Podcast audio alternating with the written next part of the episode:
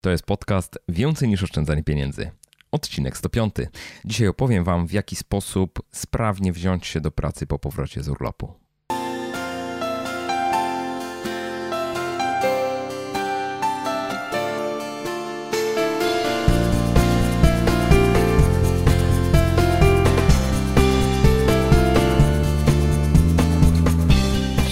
Dzień dobry. Witam Cię w 105 odcinku podcastu Więcej niż oszczędzanie pieniędzy. Ja nazywam się Michał Szafrański i w tej audycji przedstawiam konkretne i sprawdzone sposoby pomnażania oszczędności. Opowiadam, jak rozsądnie wydawać pieniądze i jak odważnie realizować swoje pasje i marzenia. Jeśli tylko szukasz odrobiny stabilizacji finansowej i emocjonalnej w swoim życiu, to ten podcast jest dla Ciebie.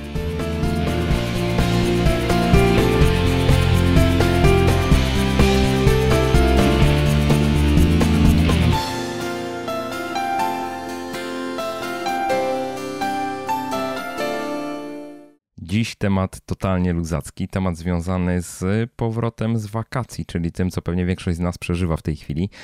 I będę mówił o tym, jak sobie poradzić z czymś, co um, nie wiem, czy ma jakieś naukowe określenie, ale generalnie każdy z nas pewnie tego doświadcza. Czyli jak wracamy z urlopu, to przez jakiś czas nie możemy się wziąć do roboty. Jest takie rozprężenie i po prostu y, albo nam się robota nie klei, albo po prostu nie chcemy się za nią zabrać, czekamy aż nam się na tyle nawarstwi, że po prostu wziąć się za nią będziemy musieć. E, I mm, ja mam to samo, cały czas przeżywam to samo, e, bez względu na to, czy y, wtedy, kiedy pracowałem na etacie, to też tego doświadczałem i obecnie, kiedy jestem przedsiębiorcą, w zasadzie sam organizuję swoją pracę, też niestety tego doświadczam, więc ym, podzieliłem ten podcast na dwie części. Najpierw się podzielę takimi doświadczeniami, które mogą być przydatne dla etatowców, dla osób, które pracują w biurze w szczególności, które pracują e, w, no, mają taką pracę siedzącą, być może przy komputerze. E, no, w każdym razie osób, które pracują w miejscach, które nie wymagają od nich natychmiastowej gotowości do pracy. Czyli nie pracujecie w sklepie, nie pracujecie w warsztacie samochodowym, gdzie po prostu ta robota zostanie wam przydzielona i będziecie musieli ją wykonać, nawet jak jesteście pierwszy dzień po urlopie w pracy, mm, tylko jesteście osobami, które po prostu wykonują na przykład pracę umysłową, siedząc gdzieś tam, pracując z klientami, pracując przy komputerach i tak dalej, i tak dalej, i tak dalej. Praca biurowa typowa, e, bo będę się posługiwał swoim przykładem i swoimi doświadczeniami w tym zakresie, a w drugiej części omówię, co zmieniło się w takim powracaniu do pracy w, wtedy, kiedy zostałem przedsiębiorcą, wtedy, kiedy zostałem albo freelancerem, można powiedzieć, osobą, która w zasadzie sama sobie tę pracę musi organizować. Więc najpierw zabierzmy się za tego etatowca.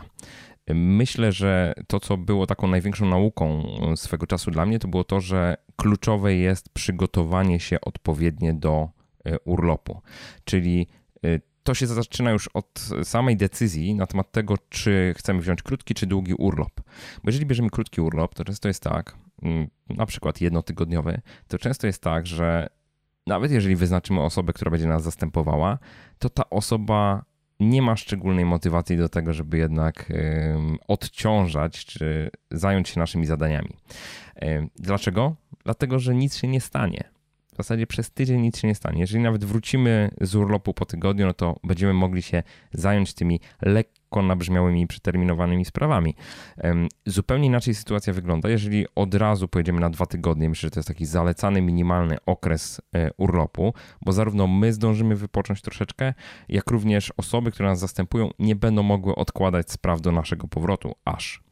E, a taką strategią, która mi się super sprawdziła, był wyjazd na urlopy trzytygodniowe. Czyli od początku zapowiadałem, że mój urlop będzie długi, że to nie jest tak, że te sprawy będą mogły się przeleżeć. Mm, po prostu e, moi zastępcy musieli się nimi zajmować, czy chcieli, czy nie. Dlatego, że inaczej również kryzysy ewentualne związane z tym, że przykład klient jest niezadowolony, bo nie otrzymuje sprawnie odpowiedzi i tak dalej, uderzałyby w zasadzie w nich, a nie we mnie, e, bo mnie wystarczająco długo nie było w pracy. Do tego jeszcze później sobie zorganizowałem tą moją pracę w taki sposób, żeby w miesiące wakacyjne wyjeżdżać dwa razy. Czyli najpierw wyjeżdżałem na trzy tygodnie, później powracałem na miesiąc do pracy i pod koniec wakacji wyjeżdżałem jeszcze na dwa tygodnie. E, także tak to mniej więcej, e, tak to mniej więcej wyglądało w moim przypadku, więc sugeruję zdecydowanie branie urlopu ciurkiem e, trzytygodniowego, bo wtedy rzeczywiście wasi zastępcy będą musieli się sprawdzić. No i kolejny aspekt to jest po prostu wyznaczenie tych zastępców, wyznaczenie osób, którym przekażecie bieżące swoje sprawy po to, żeby one mogły obsługiwać je podczas waszej nie, nieobecności. Czyli tak, nie wystarczy tylko tych zastępców wyznaczyć. Trzeba im również przekazać pewne wytyczne. Czyli znowu tutaj to się sprowadza również do tego, żeby wprowadzić te osoby, które nas zastępują, w bieżące projekty, w bieżące sprawy, w to, w czym my się e, zajmujemy. E, jeżeli takiego wprowadzenia dokonamy, to też łatwiej tym osobom będzie po prostu rzeczywiście w nasze buty niejako wejść i, i iść dalej. Kolejna sugestia i kolejna rada. Warto uprzedzić współpracowników, wszystkich w firmie, z którymi my pracujemy, że wjeżdżamy na urlop i że nas nie będzie. Ja pamiętam, że nie ma nic gorszego niż y, taka sytuacja, kiedy ja polegam na jakichś osobach, jakieś osoby są zaangażowane gdzieś tam satelicko w moje projekty i nagle się okazuje, że ktoś znika jak kamfora, bez słowa. Po prostu znika jak kamfora i go nie ma, tydzień czy dwa. No jest to sytuacja dla osób zarządzających dosyć trudna. Wiadomo, że jako menedżer ja też miałem dostęp do informacji o tym, kiedy dany pracownik wjeżdża na urlop. Musiał złożyć wniosek urlopowy, ja musiałem ten wniosek podpisać, ale często jest tak, że te urlopy są ustalane z dużym wyprzedzeniem.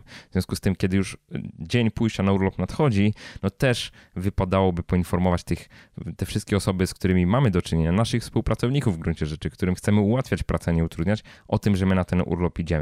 To ma też taki mm, fajny, drugi pozytywny aspekt, to znaczy i, i wysyłając takiego maila dzień przed urlopem albo dwa dni przed urlopem, po to, żeby jeszcze był czas na załatwienie tych ostatnich spraw, e, żeby ktoś do nas mógł przyjść z interesem ostatniego dnia e, naszej pracy, na przykład jeżeli wie, że nas nie będzie przez dłuższy czas e, po prostu w firmie, to w takim mailu warto również wysłać informacje o tych parametrach naszego urlopu. Czyli nie tylko, że wyjeżdżamy, tylko że też na jak długi okres wyjeżdżamy. I ja też robiłem taki zabieg, że pisałem E, że na przykład będę niedostępny, że w zasadzie telefon komórkowy będę miał, ale nie będę odbierał, bo będę w takich miejscach, że nie wiadomo, czy ten zasięg będzie i tak dalej, i tak dalej, i tak dalej. Nie chodzi o to, żeby kłamać, tylko o to, żeby też uprzedzić, że kontakt z nami będzie e, po prostu utrudniony. E, kolejny punkt. Tak samo jak uprzedzamy współpracowników, tak samo warto uprzedzić kluczowych klientów, takich klientów, z którymi mamy kontakt w zasadzie na co dzień, albo spodziewamy się, że w perspektywie najbliższych dwóch, trzech tygodni taki kontakt może nastąpić. Znowu, E, klient, który jest zaskakiwany w momencie, kiedy ma do nas jakiś interes i przysyła do nas maila i natychmiast otrzymuje odbitkę, że nas nie ma w pracy, może być tym zaskoczony i w pewnym sensie zastanawia się, ok, co się teraz wydarzy, tak? Czy ja muszę się kontaktować z zastępcą, czy nie. Więc lepiej z wyprzedzeniem uprzedzić o tym, że będziemy na urlopie, po to właśnie, żeby y, takie sytuacje no, w żaden sposób nie były konfliktowe, nie powodowały żadnego nabrzmienia, e, jakiegoś tam problemu, który się w międzyczasie może pojawić. Klient jest uprzedzony, wie, że wyjeżdżamy, wie z kim się kontaktować. To jest też istotne, żeby wskazać w tych mailach osobę, która nas zastępuje. Co to powoduje? Automatycznie będziemy mieli mniej maili w naszych inboxach, bo te maile będą od razu trafiały do osób, które nas zastępują w takim podstaw podstawowym i optymistycznym scenariuszu. E, kolejna rada ustawić ten out of office, ten komunikat na poczcie, że nas w pracy nie ma, do kiedy nas nie ma i poinformować, kto nas zastępuje.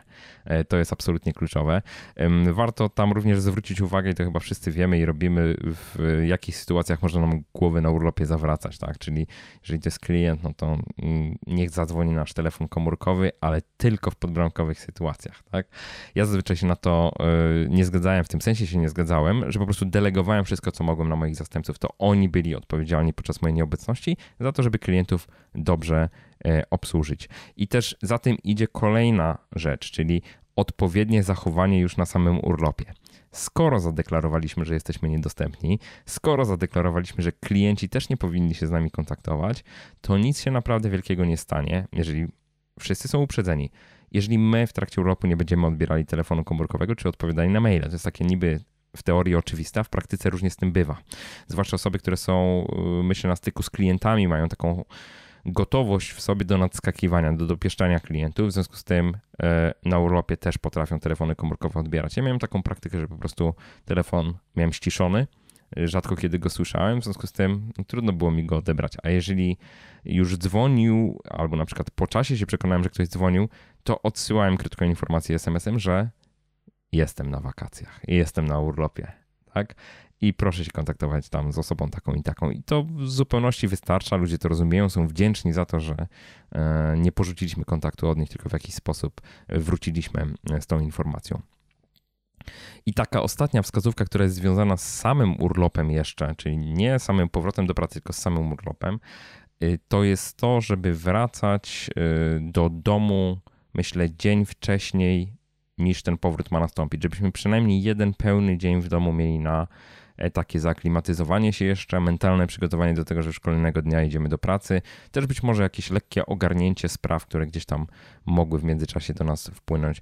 E, ja staram się stosować taką zasadę, żeby nie wracać w niedzielę, czyli wracam na przykład w sobotę i od poniedziałku e, szedłem do pracy. Mm, zawsze ta niedziela była takim dniem, który był jeszcze na, na przyzwyczajenie się do tego, że jestem w domu zaklimatyzowanie się po prostu. No i teraz kolejny etap to jest to, co się dzieje w momencie, kiedy już y, wracamy z tego urlopu. W jaki sposób wejść w ten reżim pracy, żeby y, nie było takiej sytuacji, że rzeczywiście gdzieś tam nam się czas między palcami y, przecieka i, i nie jesteśmy w stanie efektywnie pracować. Pierwsza rzecz to jest uświadomić sobie, że na pewno taki okres będzie. E, czy się tego chce, czy nie, to te pierwsze dni będą ciężkie. I teraz, żeby w ten reżim odpowiednio wejść, to warto się również na taki okres słabości pourlopowej po prostu e, przygotować. E, rada numer jeden, w zasadzie nie należy nigdy wchodzić do biura bez planu działania. Czyli jeżeli jestem etatowcem, e, to chcę być przygotowany na to, co się wydarzy. Wiem, że sytuacja może się wymsknąć spod kontroli, ale tak naprawdę to ja chcę kontrolować sytuację, a nie chcę, żeby sytuacja kontrolowała mnie. Po prostu. Może to być nawet taki bardzo luźny plan tego, co będziemy robić, ale warto go mieć. E, podam taki przykładowy, zupełnie podstawowy plan. Na przykład pierwszy dzień e, po urlopie można po prostu przeznaczyć na to, żeby wypić kawę, ze współpracownikami, porozmawiać z nimi, poplotkować o tym, co się w tym czasie wydarzyło w firmie, kiedy nas nie było, ale na luźnej zasadzie. Trochę im opowiedzieć o naszym urlopie, czyli znowu trochę te relacje firmowe e, mm, nadwątlone przez ostatnie 2 czy 3 tygodnie odbudować, ale też wyczuć tą atmosferę, co tam się w firmie e, dzieje, co było problemem e, i powiedzmy drugą część dnia przeznaczyć tylko i wyłącznie na to, żeby spotkać się ze swoimi zastępcami, odebrać od nich status spraw. Wcześniej to my im przekazywaliśmy przed urlopem, no po powrocie dobrze, żeby oni nas wtajemniczyli w ten status spraw, jaki jest. I tyle. Bez jakiegoś wielkiego tutaj napinania się na to, że jakieś ważne zadania zaraz musimy od razu po powrocie realizować. I jeżeli starczy nam energii, to możemy jeszcze dodatkowo ułożyć sobie tego pierwszego dnia plan działań na kolejne e, dni do końca tygodnia, powiedzmy. Jeżeli wracamy w poniedziałek, no to tak, żeby już precyzyjnie zaplanować, co zrobimy we wtorek, środę, czwartek, piątek e, i tak dalej. Ja lubiłem też przyjąć taki scenariusz, że na przykład jeszcze przed urlopem ustalałem sobie na kolejny dzień, czyli na przykład wracam w poniedziałek, no to na wtorek ustalałem sobie spotkanie z jakimś klientem. Miałem je wpisane wcześniej w kalendarzu, nie mogłem się od tego wymigać. To pozwalało mi wejść też sprawnie w taki reżim typu e, zamiast podnosić słuchawkę telefonu i się umawiać, czy wysłać maila i się umawiać, to po prostu mam już takie spotkanie czy spotkania e, zaplanowane. Nie mam, takiej, nie mam takich wewnętrznych wymówek, by, by tego nie zrobić. E, także to jest e, coś, co bardzo fajnie pozwala wejść w rytm pracy. Też znowu, jeżeli to jest drugi dzień, odbywam tylko jedno takie spotkanie, to na przykład resztę dnia wykorzystywałem na to, żeby nadgonić zaległości w poczcie elektronicznej, czyli odpowiedzieć po prostu na maile. I tak małymi krokami w zasadzie powolutku wdrażałem się e, w to, żeby efektywnie pracować. I do tego dochodziły oczywiście jeszcze jakieś sprawy, które pojawiły się w międzyczasie podczas mojego urlopu, ale znowu nie pozwalałem, żeby one te pierwsze, pierwszy dzień czy pierwsze dwa dni zdominowały. Zbierałem informacje o nich, ale chciałem sobie spokojnie zaplanować po to, żeby móc spokojnie i planowo z głową działać, żeby złapać też takie um, priorytety, tak? co jest istotne, a co istotne nie jest, co zrobić w pierwszej kolejności, a co później. E, Także jeżeli już przeżyłem te pierwsze 3-4 dni w firmie po powrocie, robiąc takie małe rzeczy, to w zasadzie wchodziłem sobie spokojnie w tą rutynę e, codzienną pracowania. I teraz to się zasadniczo zmieniło w sytuacji, kiedy jestem przedsiębiorcą, kiedy nie mam tych zewnętrznych czynników czy osób, które na mnie polegają i e, muszę sam zatroszczyć się o to, żeby po prostu mieć e, co do roboty z jednej strony, a z drugiej strony, żeby to wykonywać efektywnie. E, I tutaj też jest podobnie jak w przypadku planowania wyjazdu, kiedy pracowałem na etacie. Tutaj też mam taką sytuację, że dobrze mi się sprawdza planowanie wcześniej.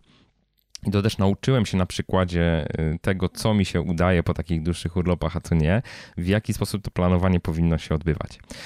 Y, jako przedsiębiorca wiem, że masa tych trudnych zadań jest na mojej głowie, takich nazwijmy to strategicznych albo ciężkich do wykonania. Wiadomo, że jest też drobnica, ale jakby całą resztę zadań też mam na głowie i tutaj stosuję taki trik, że na przykład jeżeli spodziewam się, że jakieś duże zadanie będzie na mnie czekało po powrocie, to przynajmniej częściowo staram się jeszcze je wykonać przed wyjazdem. Po co? Po to, żeby jego dokończenie było łatwiejsze tak? Oczywiście mówię o takich zadaniach, których nie muszę wykonać przed samym wyjazdem. Y, podam przykład, na przykład y, teraz wyjeżdżając y, w sierpniu na taką dogrywkę wakacji, na około tydzień żeśmy jeszcze wyjechali, to przed wyjazdem przygotowałem dokumenty dla księgowej za pierwszą połowę miesiąca. Zazwyczaj robię to po zakończeniu miesiąca, ale ze względu na to, że jest to dla mnie takie bardzo nudne zadanie, takie zadanie, którego ja autentycznie nie lubię robić i w pewnym sensie postrzegam je jako marnowanie mojego czasu po prostu, to starałem się sobie maksymalnie ułatwić. Czyli wykonałem przed urlopem rozliczenie pierwszej połowy sierpnia, przygotowanie wszystkich dokumentów i po powrocie no mam już tylko te, te pozostałe dwa tygodnie, tam, które niedobitki, że tak powiem, do, do, do załatwienia, do uporządkowania i do wysłania do księgowej. Podobnie jak w, na pracy na etacie też planowałem sobie spotkania przed wyjazdem na urlop, już po tym okresie urlopowym. Tak samo robię teraz jako przedsiębiorca, czyli jeszcze przed wyjazdem planuję sobie już pierwsze spotkania po powrocie, po to, żeby znowu musieć wyjść z domu, musieć coś załatwić i to zdaje znakomicie absolutnie e, egzamin. I też staram się nie być dla siebie surowy. To znaczy też w, w na przykład pierwsze zadania, które planuję po urlopie, oczywiście po przekopaniu się przez pocztę, y, to są jakieś proste i łatwe zadania, takie, które są dla mnie przyjemne w realizacji. Czyli z jednej strony mogę dokończyć tą księgowość, ale z drugiej strony staram się wpisać coś, y, do czego zabiorę się po prostu z ochotą. Tutaj stosuję też taki trik na sobie, że mówię sobie przed wyjazdem, Michał, no przecież wrócisz z tego urlopu, będziesz wypoczęty, będziesz gotowy do pracy, pewnie już zatęsknisz za pracą. W związku z tym, y, nawet jeżeli zadanie będzie ciut bardziej złożone, to wykonasz je, wykonasz je na pewno migusiem, tak? I będziesz zadowolony z efektu. Więc jakby próbuję sam siebie przekonać do czegoś takiego, że, e, że wcale te zadania, które gdzieś tam przed sobą stawiam, to nie jest e, takie wielkie wyzwanie, tylko raz, dwa, trzy to po prostu pójdzie. No jestem człowiekiem, który jest pełny energii po powrocie, więc na pewno się uda. Nie? E, I teraz, żeby nie oszukiwać samego siebie, no bo wiadomo, przed wyjazdem coś tam sobie mogę planować, a po wyjeździe już nie będę o tym pamiętał, no to oczywiście stosuję tutaj rozwiązanie Nozbi, e, w którym ustawiam sobie na konkretne daty, konkretne zadania. I przyzwyczaiłem się już, że w tym okresie pourlopowym przez pierwsze parę dni ustawiam sobie takie zadanie, po dwa zadania w gruncie rzeczy. Jedno trudniejsze, jedno łatwiejsze. Trudniejsze, nazwijmy tak, dokończenie tej księgowości, łatwiejsze na przykład przeanalizowanie sprzedaży książki finansowej Ninja w czasie, kiedy mnie nie było, bo byłem na urlopie, tak? No to jest przyjemna czynność, bo się przynajmniej dowiaduję, ile w międzyczasie zarobiłem. Na kolejny dzień, na przykład jak wróciłem teraz z urlopu, wyznaczyłem sobie, żeby naprawić sekwencję maili, które są wysyłane w, w lekcjach z kursem budżet domowy w tydzień i w kursie pokonaj swoje długi, bo tam się coś popsuło, po prostu szczególnie w tym drugim kursie od paru miesięcy maile się do was nie wysyłały, takie z przypomnieniami o, o lekcjach. Nie, jakby nie nie, nie chcę tego. No, chciałem to naprawić, y, chciałem się z tym uporać. Przed urlopem zabrakło mi czasu, no to w końcu się za tą żabę zabrałem i ją zjadłem. Tak? E, także no, y, udaje się tak sprawy popychać do przodu, ale znowu to jest efekt tego, że to przed urlopem to wszystko zaplanowałem. No i teraz można się zastanowić, co zrobić, jeżeli y, na przykład wracacie z urlopu i takiego planu nie mieliście E, bo nigdy się tak nie przygotowywaliście. Mm. No poza tym, że trzeba sobie uświadomić, że jest ten okres rozbiegówki po wakacjach, to myślę, że takie proste rzeczy to jest coś, co nas przybliża do realizacji większych rzeczy. Wracamy, e, jest, nie wiem, zakurzone biurko, jakiś tam bałagan przedwyjazdowy, bo nie posprzątaliśmy, posprzątajmy to. Y, uprzątnijmy to nasze środowisko pracy z jednej strony, a z drugiej strony to też damy sobie taki sygnał, ok, zaczynam, jest jakieś nowe otwarcie, zaczynam od nowa tak? Mi to zawsze bardzo y, pomaga i w jakimś sensie mnie to, mm, nie, nie chcę motywuje, ale tak y, mobilizuje. O, to jest bardzo dobre słowo, mobilizuje.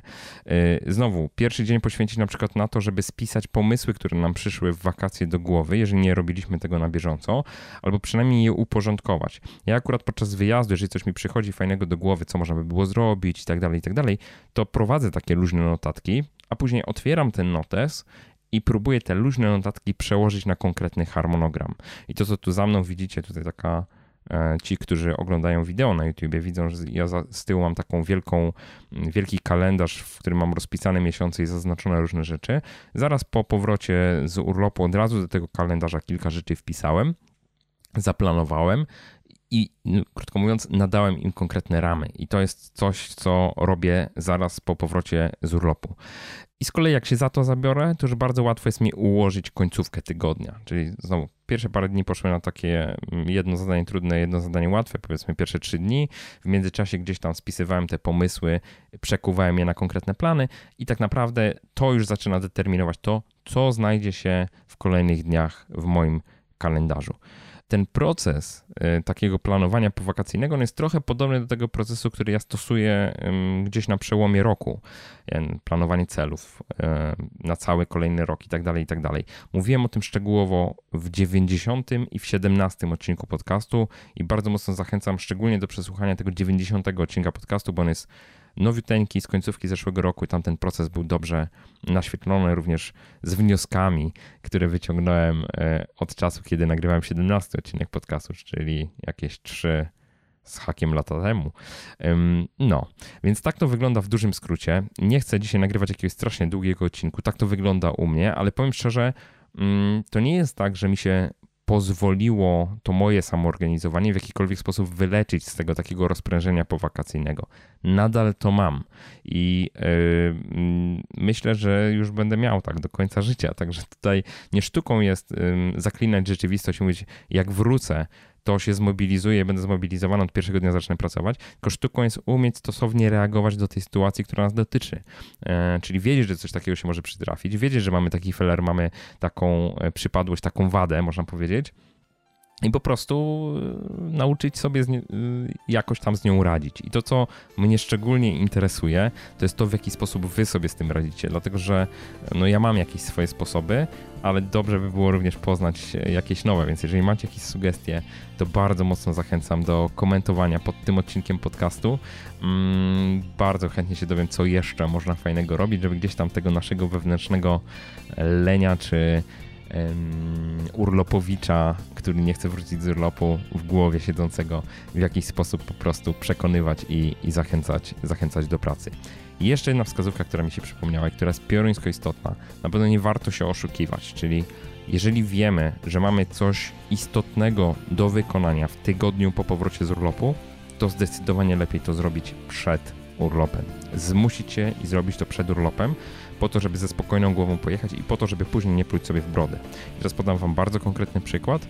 Miałem taki pomysł, że jak wrócę z urlopu, to nagram w poniedziałek nowy odcinek podcastu dla Was, po to, żeby był gotowy do publikacji w kolejny poniedziałek. Niestety, dzisiaj jest sobota.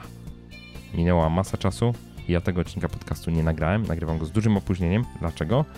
No bo wróciłem z wakacji, byłem rozleniwiony, zająłem się rzeczami prostymi, łatwymi, przyjemnymi, a niestety te duże odłożyłem gdzieś tam na ciut później, tłumacząc sobie, że przecież nic się nie stanie, jeżeli podcast wyjdzie dzień później, tydzień później i tak dalej. Przecież do niczego nie jestem zmuszony. Prawda jest taka, że to rozpręża. Jeżeli, przynajmniej mnie rozpręża, jeżeli ja z tego reżimu takiego co dwutygodniowego, jeżeli chodzi o nagrywanie podcastów, wychodzę, to później bardzo trudno jest mi wrócić yy, do tego harmonogramu, który miałem.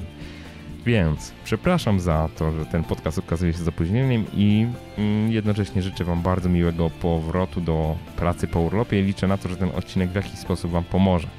E, przypominam, że tradycyjnie notatki do tego odcinka podcastu znajdziecie pod adresem jakoszczędzaćpieniądze.pl ukośnik 105, jak 105 odcinek podcastu. A teraz dziękuję Ci już za wspólnie spędzony czas i życzę skutecznego przenoszenia Twoich celów finansowych na wyższy poziom. Trzymaj się, do zobaczenia.